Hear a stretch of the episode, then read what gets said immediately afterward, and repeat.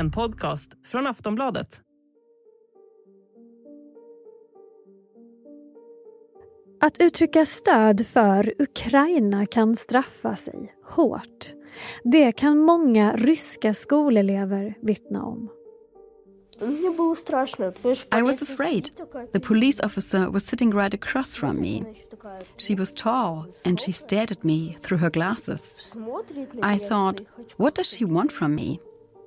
Ett antal krigslagar infördes i Ryssland efter invasionen av Ukraina.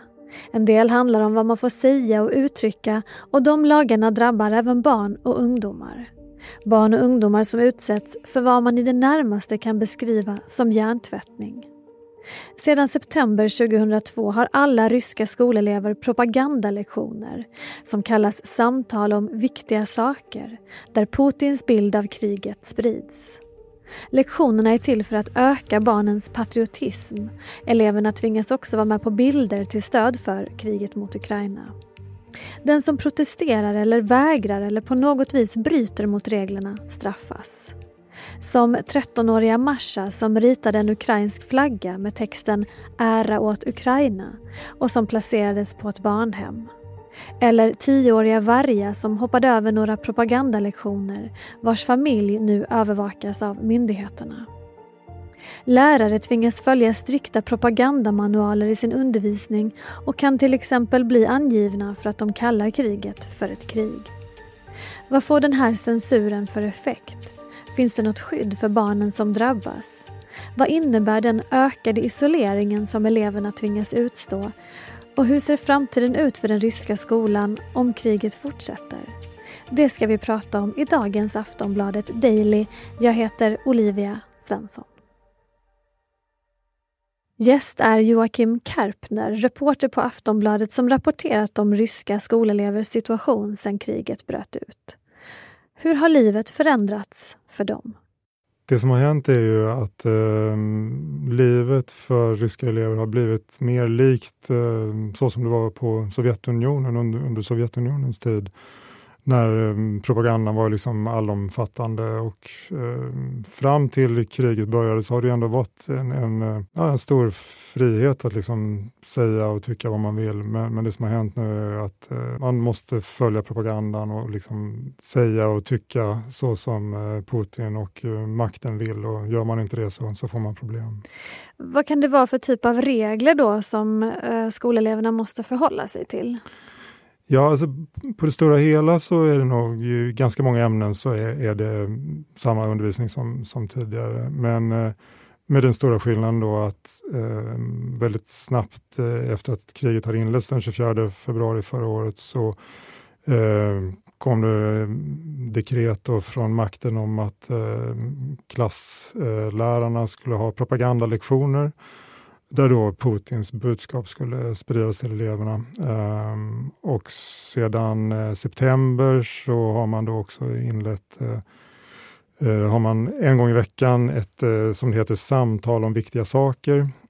och det är på måndagar.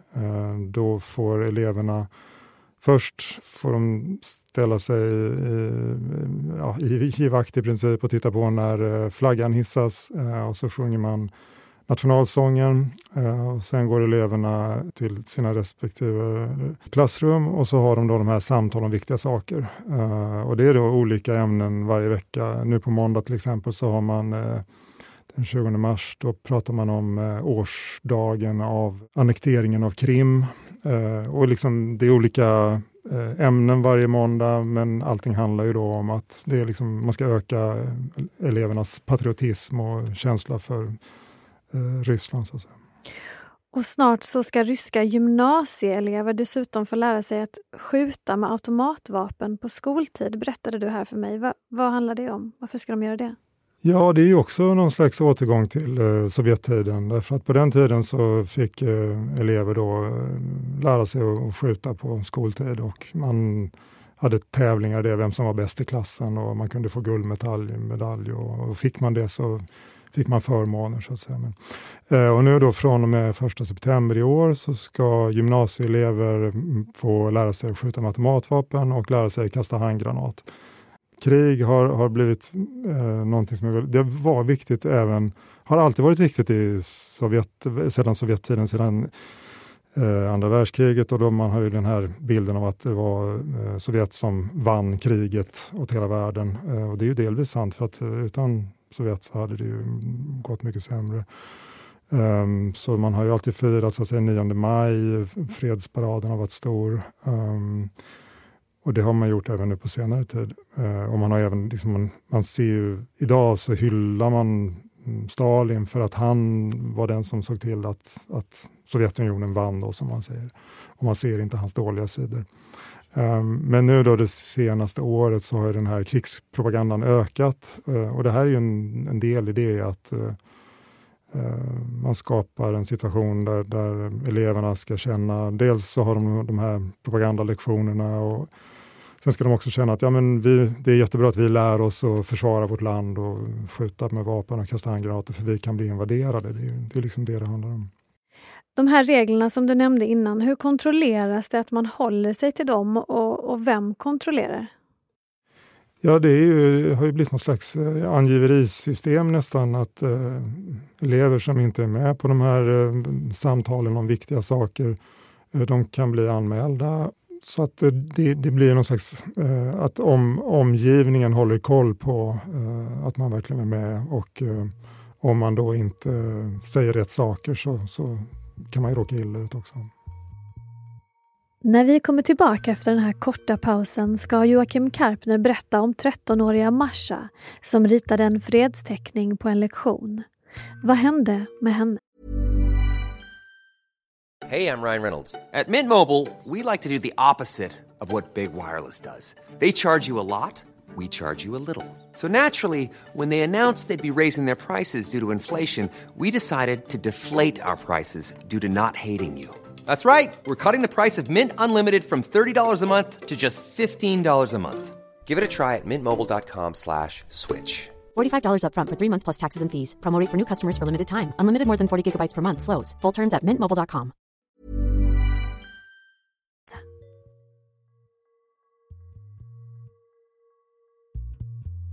Du har skrivit många texter som handlar just om ryska skolelever och deras vardag och då har du bland annat berättat om 13-åriga Masha som ritade en fredsteckning på en lektion. Vad hände med henne? Ja, hon ritade då en teckning med eh, en ukrainsk mamma och hennes dotter som håller i en flagga då, som det står eh, är åt Ukraina på och sen så kommer det då ryska bomber farande mot dem och så står det också eh, nej till kriget. Eh, det som hände var när hon ritade den här eh, teckningen, hon är alltså 13 år gammal och de hade då en, en eh, teckningslektion. Lärarinnan hon fick se den här teckningen, hon blev alldeles förskräckt och sprang direkt till rektor som kallade på polis.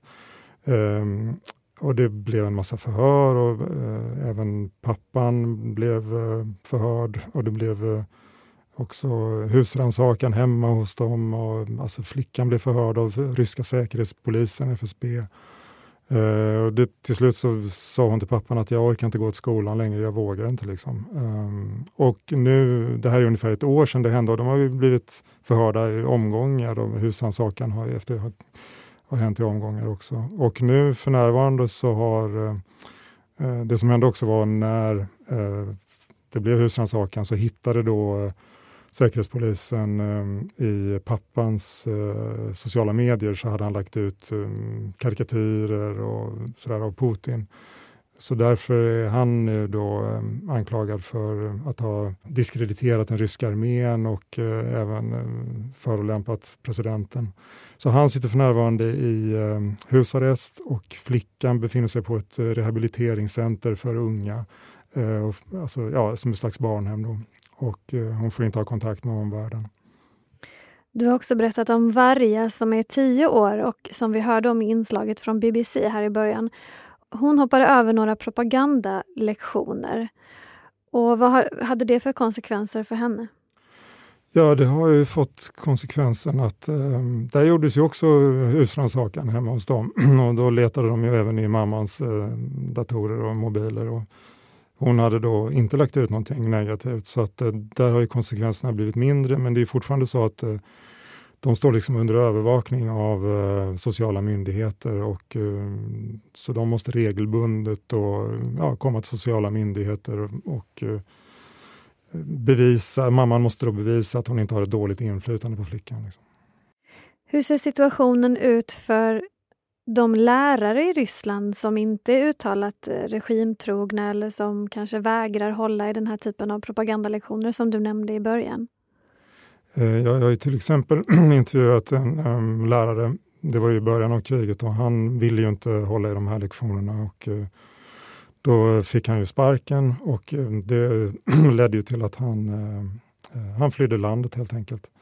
Ehm, så att det är nog ehm, det är nog ganska svårt att inte eh, hålla de här lektionerna, även om jag har hört om att det finns ju exempel på eh, lärare som inte gör det. Så det kan, det kan vara lite olika beroende på vilken stad och vilken skola eh, som man tillhör. Men problemet för många lärare är ju att, att ofta är ju såna här rektorer, de tillhör ju systemet och de är ju liksom, har ju som uppgift att hålla koll på lärarna. Eh, till exempel är det ju vanligt att rektorer tillhör eh, partiet Enade Ryssland som är Putins eh, stödparti.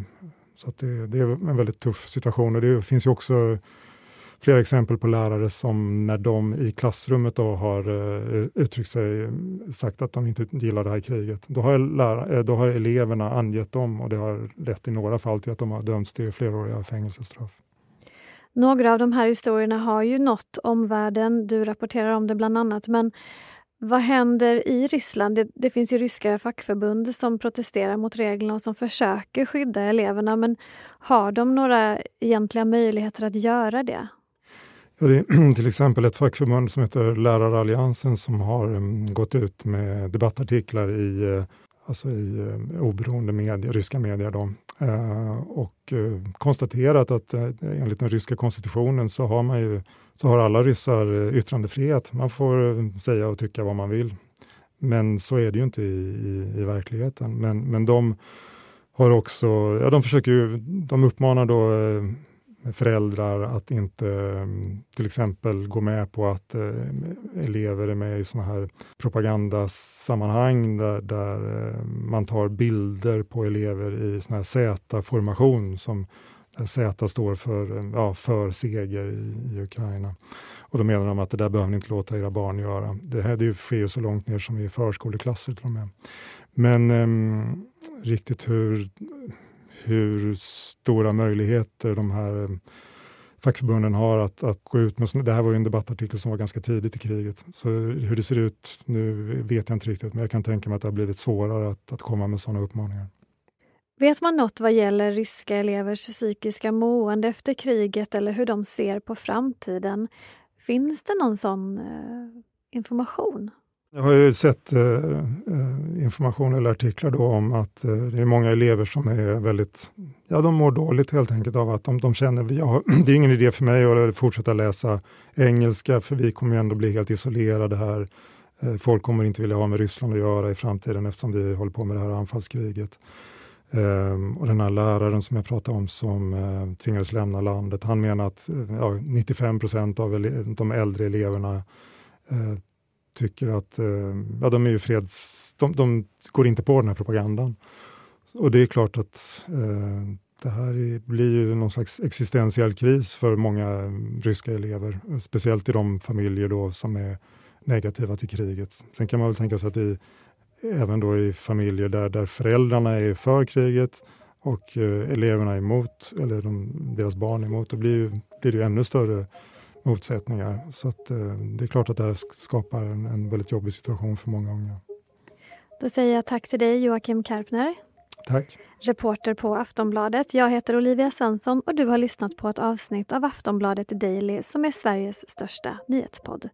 Vi hörs igen snart. Hej då.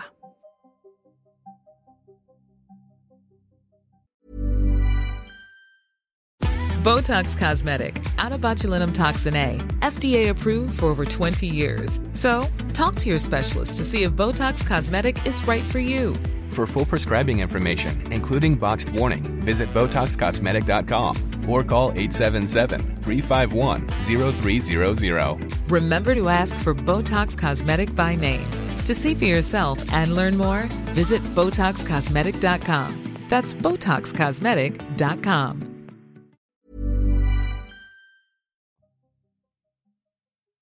Du har lyssnat på en podcast från Aftonbladet. Ansvarig utgivare är Lena K Samuelsson. Tired of ads barging into your favorite news podcasts? Good news. Ad-free listening is available on Amazon Music. For all the music plus top podcasts included with your Prime membership. Stay up to date on everything newsworthy by downloading the Amazon Music app for free or go to amazon.com slash news ad free.